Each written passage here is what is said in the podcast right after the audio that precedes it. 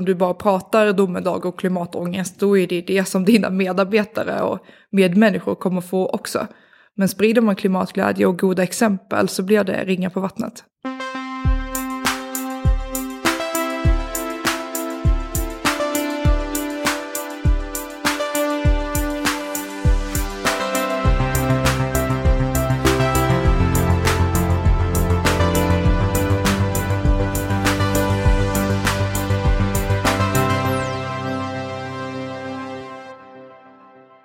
Välkommen tillbaka till Heja Framtiden där Christian von Essen uh, spelar in på Kitchen Studio, vår lokal på Roslagsgatan i Stockholm. Uh, säger välkommen till uh, podden Amanda Borniker. Tack så mycket. Är du på besök i stan eller har du jobb, ärenden? Alltid jobb höll jag på att säga, men den här gången är det mestadels jobb. Mm. Jag är här och hälsar på Svekos Stockholms kontor och ska träffa lite huvudkunder och se vad vi kan hitta på för dem. Just det. Um, för lite bakgrund då så. Du är ju, har ju blivit en slags eh, hållbarhetsprofil. Framförallt inom byggsektorn. Och nu har du tagit steget över till eh, konsultsidan eh, på Sweco där du ska börja. Vad blir din roll där egentligen formellt? Min roll är specialist inom cirkulär ekonomi. Men jag brukar förklara den rollen ungefär som en PT. Fast i hållbarhet och för företag. Så att man hör liksom av sig till mig om man har ett projekt Oavsett om det är samhällsbyggnad, byggnad. Jag coachar faktiskt frisörer nu, vilket är lite ny, ny kategori för mig. Eh, verksamhetsutvecklare för frisörföretagarna, deras branschorganisation. Som är 4 000 medlemmar som Oj, behöver hjälp. Aha. Så då, när man har ett hållbarhetsprojekt som innebär att man vill klimatbanta eller liksom bli bättre i hållbarhet, då ringer man mig. Så är jag en PT. Ja. Och, och du, alltså inom då Svekos paraply hela tiden? Ja, deras Exakt. konsulter kan ta in dig. Mm. Nej, men och det, jag har både interna och externa kunder. Mm. Så det behöver inte bara vara att man är, redan är en del av Sweco eller tillhör ett Sweco-projekt. Utan egentligen vem som helst kan få anlita mig. Ja, just det. Men jag läste lite om din bakgrund. Du är född långt efter mig. 93. ja. Jag är född 79. Jag håller mig under 30-strecket ja. Eh, fortfarande. Så det, jag ska hålla på det några år till. Men jag känner igen mig i det att man har sin utbildning. Ska ut i världen och får inte ett enda jobb. Mm. Och till slut så bara, ja men skit i det här. Jag startar väl eget. Mm. Det var exakt, exakt samma så. för mig. Exakt så var det. Och um, jag har ju verkligen jobbat sen jag var väldigt ung också. Jag startade mitt första företag när jag var 13 år. Och jag var verkligen inte beredd på att jag inte skulle få eh, jobb när jag var färdigexaminerad eh, inom miljövetenskap och kommunikation. Som jag har en master inom. Det är liksom miljöingenjörskompetens. Var det för tidigt? Eh, nej, egentligen inte för tidigt. Men det var väldigt eh, tydligt att man ville ha någon som man kunde forma, indoktrineras, man skulle inte ha egna idéer, inte vara så färgstark, inte komma med så många egna förslag.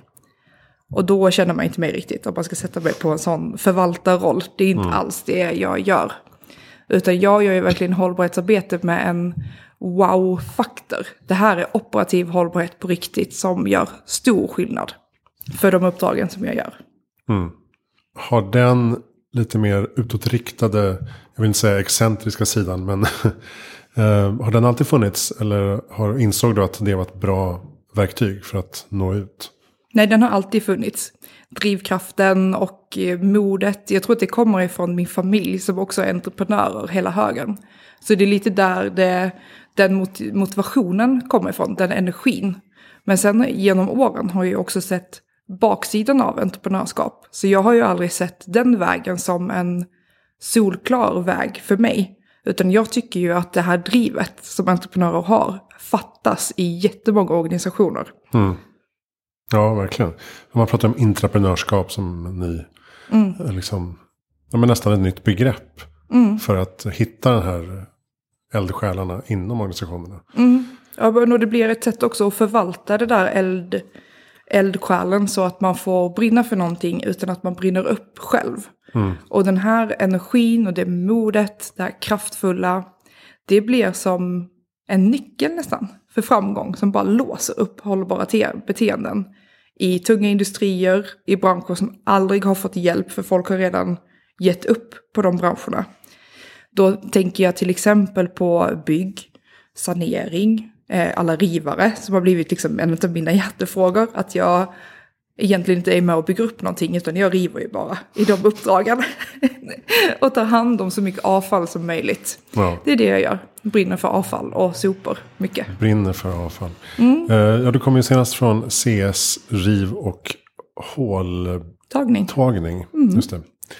Och där jobbar du mycket med uh, cirkulära system och cirkulär ekonomi och avfallshantering. Och det, det känns som att du... Uh, så kände du dig bekväm att komma in som ung tjej där och göra skillnad?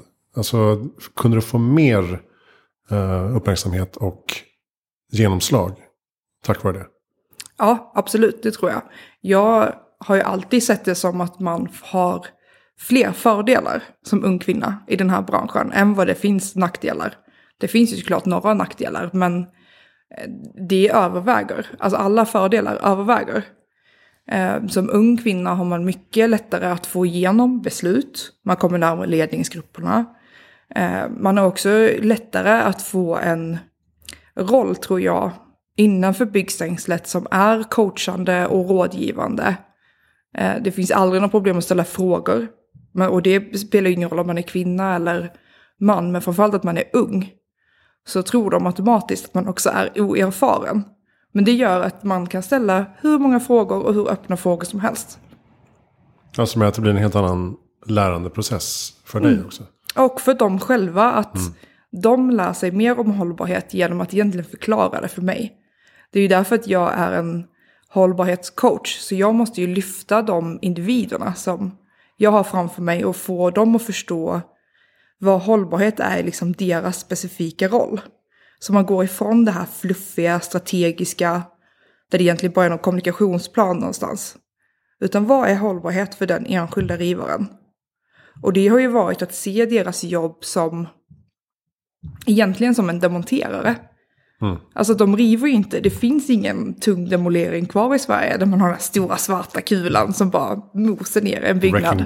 Exakt, i en container och så bara kör iväg den. Det finns inte. Utan de här grabbarna och tjejerna demonterar byggnader minut för minut, varje materialslag för sig.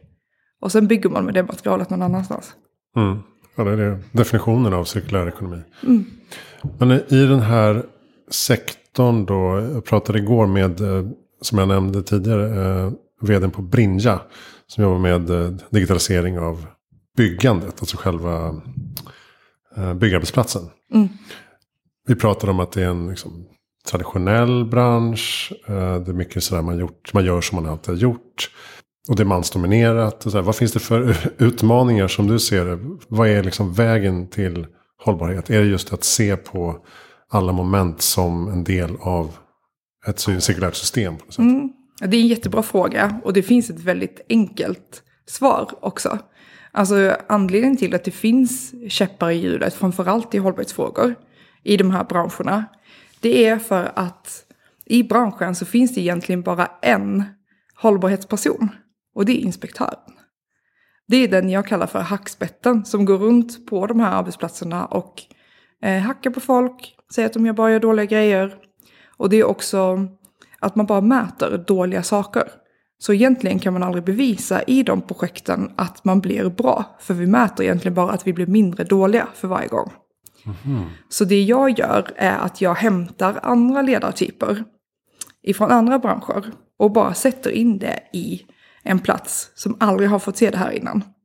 Och den kallar jag för tuppen. En hållbarhetscoach som bara väcker upp byggena på morgonen. Nu ska vi jobba med hållbarhet. Och berättar för personalen att det här gör de bra. Wow, du använder din hjälm. Fortsätt så, det ser skitsnyggt ut. Och så mäter man istället vad det är som gör de här projekten framgångsrika. För då kan vi bevisa för våra kunder att vi också blir bättre och mer framgångsrika för varje projekt vi har. Hållbarhetstuppen. Mm -hmm. Exakt, och det har ju också funkat att prata i symboler. När ens målgrupp inte ser ut som mig. Då får man använda symboler som ett sätt att nå fram till dem. Så på, för tuppen till exempel är ju en manlig symbol. Så på något sätt så kan de då relatera mer till tuppen än vad de kan liksom som mig som individ. För det är lite så vi, vi funkar. Det finns en väldigt tyngd i storytelling och kommunikation och att välja att göra det på det sättet. Mm. Jag lyssnade på ditt avsnitt. Du, du drev ju en podd, i alla fall tidigare, som heter Hållbar profil podcast. Mm. Den kanske är vilande, kanske återuppstår. Den kanske återuppstår, det vet man inte. Men jag lyssnade på avsnittet med Kai Török, eh, som är hållbarhetschef på Max. Och eh, ni pratade mycket om det här med just språk och kommunikation. Och eh, att det inte riktigt har funnit sin rätta roll tidigare. Och därför har det varit svårt också. Och att eh, mycket handlar om hur man definierar och vilka begrepp man använder och sådär. Jag skulle säga att det är avgörande. Ja. Vad du döper ditt system till eller vad du döper din policy till. Alltså att jag uppmanar alla till att inte döpa policyerna eller er plan till hållbarhetspolicy. Eller hållbarhetsplan. Därför det är för långt ifrån er kärnverksamhet. Utan den ska ju heta vad det är ni har tänkt genomföra. Handlar det om att minska bränslena, okej okay, då, då heter det en bränslepolicy. För då vet medarbetarna också direkt vad det är det handlar om. Ja, du menar att hållbarhet, själva hållbarhetsbegreppet blir för luddigt mm. och för övergripande? Ja, den är inte tillräckligt konkret. Och det där är ju ett hinder om man vill jobba med beteendeförändring. Att man måste komma närmare verksamheten, närmare människorna för att då också få en snabbare förändring. Mm. Ja, för det är lite olika lite delade meningar till exempel kring eh, FNs hållbarhetsmål, SDE-erna. Eh, Emily Persson Lindqvist från Sweco just sa att det är ett fantastiskt ramverk som man kan använda sig av. Och, och där pratar vi om Sweco-kunder som kanske kommuner och städer och storföretag som kan navigera efter den kartan. När jag pratade med Per Granqvist som jobbar med hållbarhetskommunikation och jag frågade är det, är det här ett bra ramverk och sa nej det är det är helt meningslöst. För gemene man. För att det blir för abstrakt. Mm. Är det lite så du tänker? Att uh, man måste komma ner på den konkreta individnivån. Ja, och egentligen alltså hållbarhetsmålen som du nämner nu, de globala utvecklingsmålen. De är ju ett sätt att mäta vad det är vi gör. Det är 26 olika mål med kanske tre parametrar i varje mål. Där man kan välja då lite hur vi ska mäta framgången i de här projekten för att då kunna koppla tillbaka det till FNs globala hållbarhetsramverk. Och det är just om du inte ska mäta hållbarhet på det sättet, då behöver man inte jobba med dem målen. Men jag tror det är där många eh, blir lite vilse. Att de behöver en slags eh, målkompass eller en hållbarhets-PT för att förstå var ambitionen ska ligga någonstans. Mm. Så för alla företag som är över 35 anställda Eh, är det ett krav att man ska hållbarhetsrapportera. Och då är de globala hållbarhetsmålen ett sätt som man kan rapportera på. Men det behöver inte vara det som är mest rätt för den verksamheten. Utan det finns massa saker man kan välja på. Mm. Men mycket, som du säger, mycket handlar om vad man mäter och hur man mäter. Mm.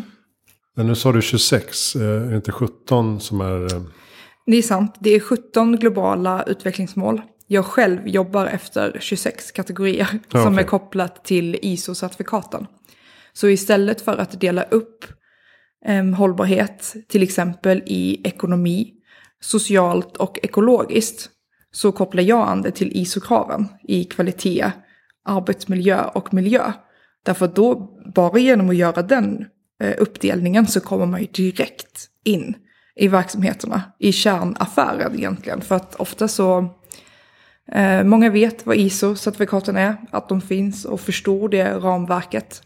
Så då har jag bara tagit på mig mina gröna hållbarhetsglasögon och översatt egentligen vad de globala målen betyder i ett ISO-sammanhang. Ja, just det. För ISO är då ledningssystem för kvalitetssäkring och mycket processer och administration och sådana saker. Alltså det, den ISO-certifikaten sätter ju upp hur en verksamhet styrs och mm. leds. Så det är väl klart att man, får man in hållbarhet där så är det ju avgörande om man vill snabbt komma in i verksamheter och göra stora förändringar men på kort tid.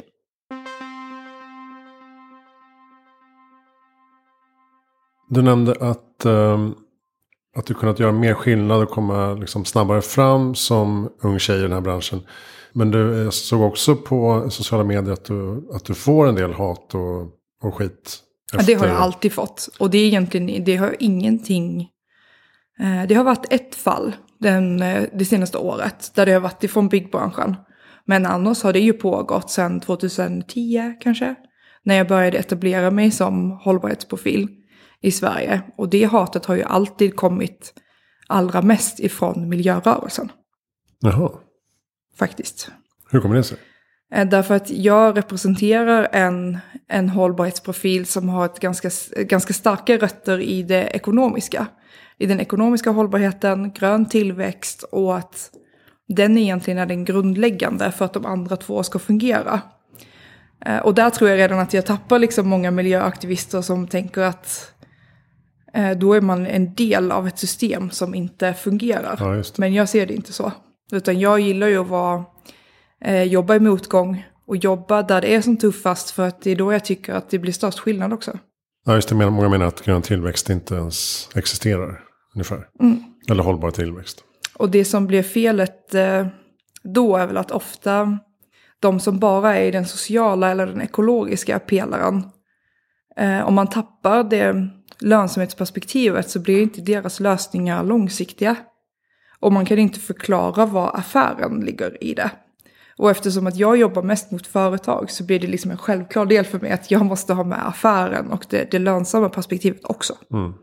Ja, men det säger ju alla som jag pratar med som jobbar med mat eh, och foodtech och sådär. Att pengarna måste med, annars så blir det inget. Nej, och då, där har ju också miljörörelsen satt ett, eh, alltså ett käpp i sin egen hjul för att inte få mer rullning på de cirkulära affärerna.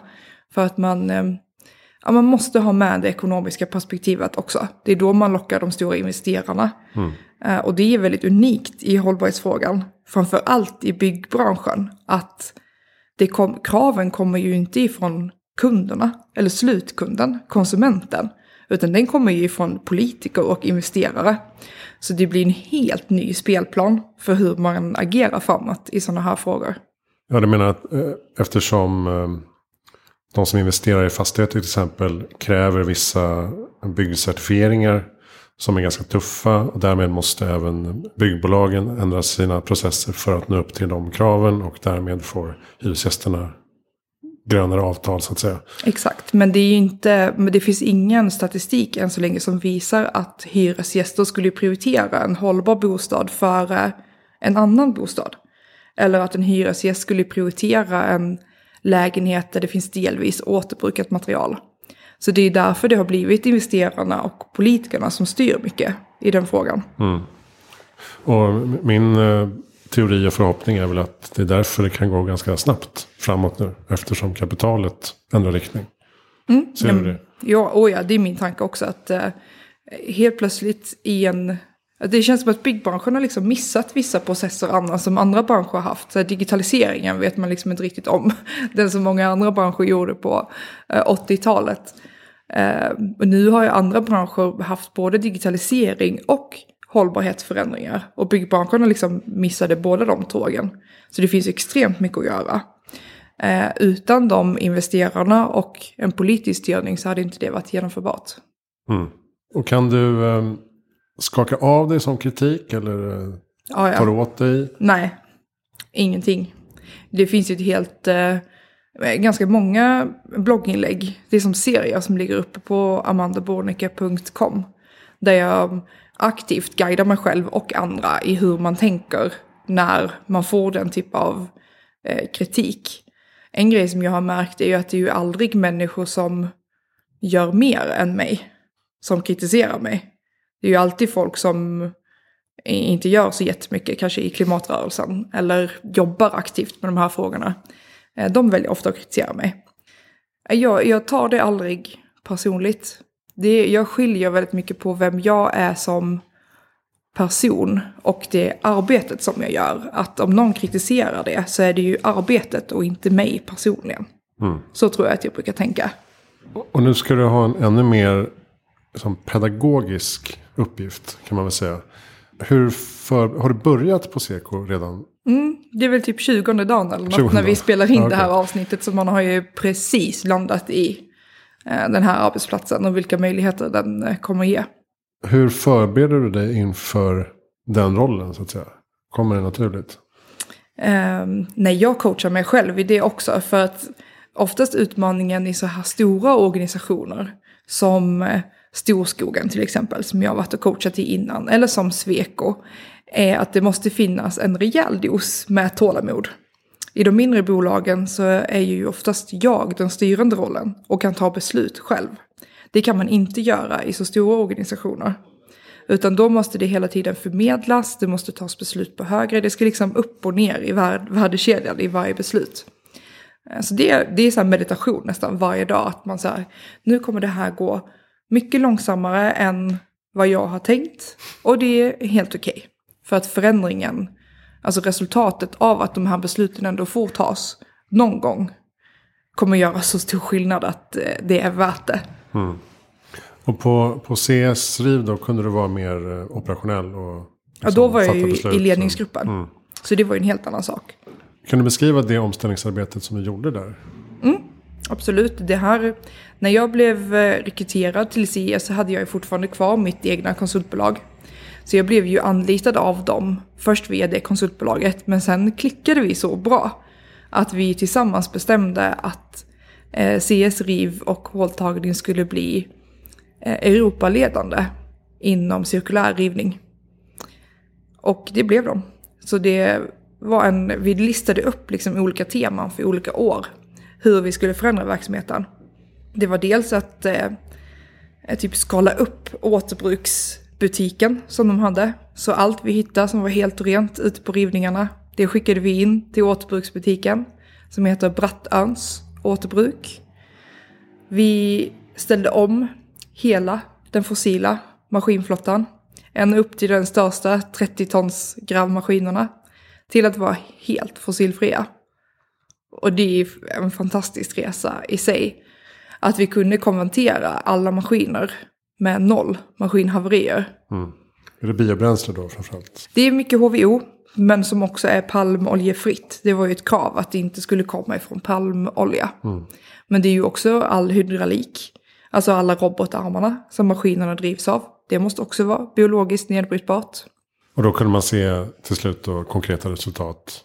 Mm. Maskinparken sänktes mellan 35 till 90 procent i utsläpp, lite beroende på maskintypen. Så det var ju fantastiska resultat. Det var ju det som jag vann årets miljöinnovatör för, och, eh, av Trafikverket. Och nu har du också då ett eh, case med dig i fickan och du vet att det är möjligt. Mm. Ja, alltså, jag tror att många känner ju till casen ifrån CS för att jag var ju även deras eh, PR och marknadsansvarig kan man säga. Men jag har ju egentligen coachat, det är ju över 11 000 bolag nu med case liknande som CS. Så man går ju in till Sweco med en fantastiskt stor portfolio med många exempel på hur man kan bedriva det här operativa hållbarhetsarbetet. Alltså hur man får det att gå från en strategi till att vara någonting som medarbetarna tänker på eh, hela tiden i sin dagliga verksamhet. Mm. Och nu finns det också möjlighet att nå utanför Sveriges gränser, alltså med eh, Svekos eh, stora organisation. Då. Ja, exakt. Det Man måste ju kunna lära sig av internationella case, tänker jag. Ja, ja, det finns hur mycket som helst. Och Sweco är ju aktiva i över 70 länder, så det finns ju ett fantastiskt erfarenhetsbyte här. Eh, också att sätta Sverige på kartan som en framgångsaktör i cirkulär ekonomi. Med hur vi återanvänder eh, betong och stora element har ju blivit väldigt intressant. Det mm. känns som att vi ligger långt fram där faktiskt. Just det. Hur ser du på regeringens eh, färdplan då för eh, cirkulär ekonomi? Det är ju, sen 2020 så finns ju återbruk med där för första gången. Okay. Så det är jag ju enormt tacksam för. Det har ju blivit som en Eh, katalysator. Både den färdplanen ifrån betonginitiativet och färdplanen ifrån eh, byggföretagen. Så den från betonginitiativet handlar om rena material, att de ska bli klimatneutrala. Och den ifrån byggföretagen handlar ju om eh, koldioxidutsläpp egentligen. Men det är ju mycket kopplat till fordon och maskinflottan. Mm. Och samtidigt håller ju betong och cement och stålindustrin på att jobba för att bli fossilfritt. Mm. Uh, vad tror man 2045, 2040, 2050 där någonstans. Mm. Men det är ju en bit kvar till dess. Så man måste ju jobba, göra allt man kan. Jo, då ska det vara färdigt. Innan, alltså ja. vad ska vi göra då? när 2045, när allting ska vara klart. Det blir spännande. Jag brukar skämta om att jag ska gå i pension då, men man kanske inte riktigt ska vara så uh, ambitiös. Men det är ju en nedräkning just nu. Vi har inte Eh, hur mycket tid som helst på oss för att vi ska hinna bromsa effekterna eh, av den globala uppvärmningen. Speciellt om vi vill hålla 1,5 graders målet som är så första etappen i FNs globala utvecklingsmål. Men byggbranschen har ju en fantastisk förmåga att också agera som eh, så kallade koldioxidfällor. Att även det som redan har släppts ut, det finns en möjlighet att eh, fånga in det i material. Att man eh, karboniserar, heter det, när man liksom fångar upp koldioxiden i luften och trycker in det i material. Så det är absolut inte för sent.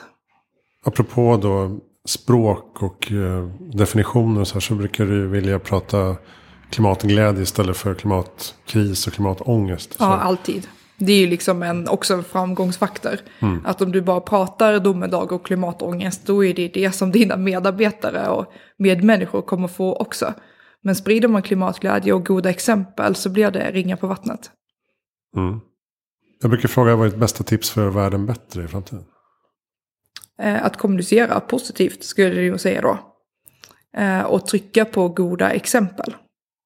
Alltså den här hackspetten och tuppen är ju ett jättebra exempel på hur man kan göra världen lite bättre i alla sammanhang, inte bara på jobbet utan mm, i privata sammanhang också. Att man går ifrån att vara eh, hackspetten och lite mer tupp och lite mer glad liksom. No hate liksom på alla inspektörer och sånt där ute. Eh, jag vill bara poängtera att det finns fler miljöpersoner än den rollen och att man strategiskt kan använda de olika. Jag är ju inspektör till exempel om jag går ut på en byggarbetsplats och ska inspektera hur det går på en skyddsrond till exempel. Då är den ju rollen klockren. Men ska vi sen coacha dem att göra en förändring eller att bryta ett beteendemönster, då behöver vi ju ha en tupp där också. Eller mm. någon, någon som gör mer positiv eh, kommunikation. Men det är väl lite som man, eh, om man pratar framtidens ledarskap, alltså skilja på den tidigare chefen och den framtida ledaren som ska visa, mm. visa vägen. Istället för att bara stå och peka. Jo men så är det. Och man, jag tror att det har varit en, fram, en av framgångsnycklarna också. Att i tjänsten som jag hade Eh, till exempel på CS, eller som jag nu också har på Sweco. Det är att den är uppdelad i två olika delar. Att jag har, eh, det är som att ha 50% kontorstjänst och 50% fältarbete. För att man inte ska missa det som händer innanför mm. byggstängslet. Man måste vara där och demontera själv. Och riva själv. Eller inventera själv. Eller inspektera själv. Därför att annars missar man kopplingen mellan det strategiska och det operativa. Så någon roll på verksamheterna behöver ha det där, där det både och finns.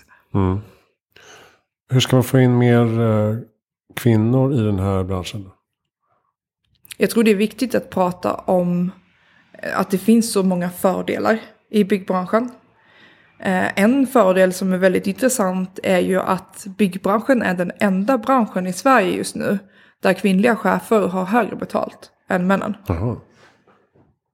Hur kommer det sig? Visst är det intressant? Ja. Det är för att det är en sån eh, eh, svår resurs att hitta. Det finns inte så många som vill komma in i byggbranschen.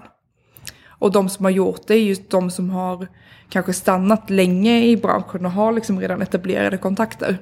Så här finns det ju hur mycket möjligheter som helst. Mm. Om man inte ser ut som den, eh, alltså så här, alltså den traditionella byggarbetaren är väl vit medelålders man. Så så länge man inte ser ut eller agerar in, inom det spektrat så har man ju jättegoda möjligheter att komma in i byggbranschen och göra succé. Mm. Och jag pratade med Peabs hållbarhetschef, det var väl något år sedan. Mm. Vi pratade om att det, det, är en sak att rekrytera kvinnor till exempel. Eller minoriteter för den delen. Uh, en annan sak är att behålla. Alltså, Exakt. Alltså kulturen spelar väldigt stor roll. Jo, så men så är det. Det måste ju till fler förändringar så att säga, över tid. Ja, det går ju inte bara att eh, rekrytera unga kvinnor eller unga eh, grabbar och tro att byggbranschen, sen är allting löst liksom. Nej. Riktigt så enkelt är det ju inte, utan det måste ju finnas ett väldigt genomtänkt, välkomnande och eh, hur man tillmötesgår unga. Därför att unga har ju andra krav generellt än vad äldre har. Speciellt min generation, alltså millennials och under. Eh, man har ju väldigt höga krav på ett seriöst hållbarhetsarbete till exempel. Och om inte det är någonting som genomsyrar organisationen med hållbarhet och jämställdhet, eh, då är det väldigt lätt för oss att byta företag. Mm. Har du några bra eh, lästips eller poddtips? Oj, massor. Eh, följer man inte Byggsandra så tycker jag absolut att man ska göra det. För det, hon driver ju ett nätverk som heter Byggbranschens kvinnor. Så är man nyfiken på att komma till byggbranschen men inte riktigt vet vilken väg in man ska gå så är det ett fantastiskt nätverk. Eh, jag är med där, så jag är också där och kan svara på frågor. Eh, Amanda Eklund har en podcast som heter eh, Samhällsbyggnadskvinnor. Som också är jättebra, ger en väldigt rolig inblick till branschen. Och är man intresserad av alltså fackrörelsen och antikorruption så tycker jag att man ska följa Jessica Löfström. Okej. Okay. Vem tycker att jag ska intervjua? Då sa du tre namn där. Nu har du tre namn som du kan intervjua ja. till, till nästa avsnitt. Annars så kommer det finnas eh, flera namn också inom Sweco. Beroende på vad du vill ha för sakämne. Om det ska mm. vara mer hållbarhet, cirkulär ekonomi, kanske arkitektur. Så är ju Sweco ett smörgåsbord med fantastiska kompetenser. Mm. Uh, Mattias Goldman är ju en av, han är väl hållbarhetschef. Han är hållbarhetschef. Mm. Han borde du intervjua om du inte har gjort det. Ja, jag ska haffa honom. Mm, haffa honom. Han finns ju i Stockholm och inget annat, så det borde ju vara enk enkelt. Precis. Bra, då avrundar vi det. Tack snälla Amanda Bonniker för att du kom till Heja Framtiden. Ja, men tusen tack för att jag fick vara gäst här. Och tyckte ni att det här var bra så får ni jättegärna följa mig eh, på Instagram eller LinkedIn. Där heter jag Amanda Bornicke. Och hemsidan är amandabonnicke.com. Och eh, framtiden.se där hittar du alla avsnitt och intervjupersoner och eh, mina andra projekt böcker och magasin och sådär. Jag heter Christian von Essen. Tack snälla för att du lyssnade.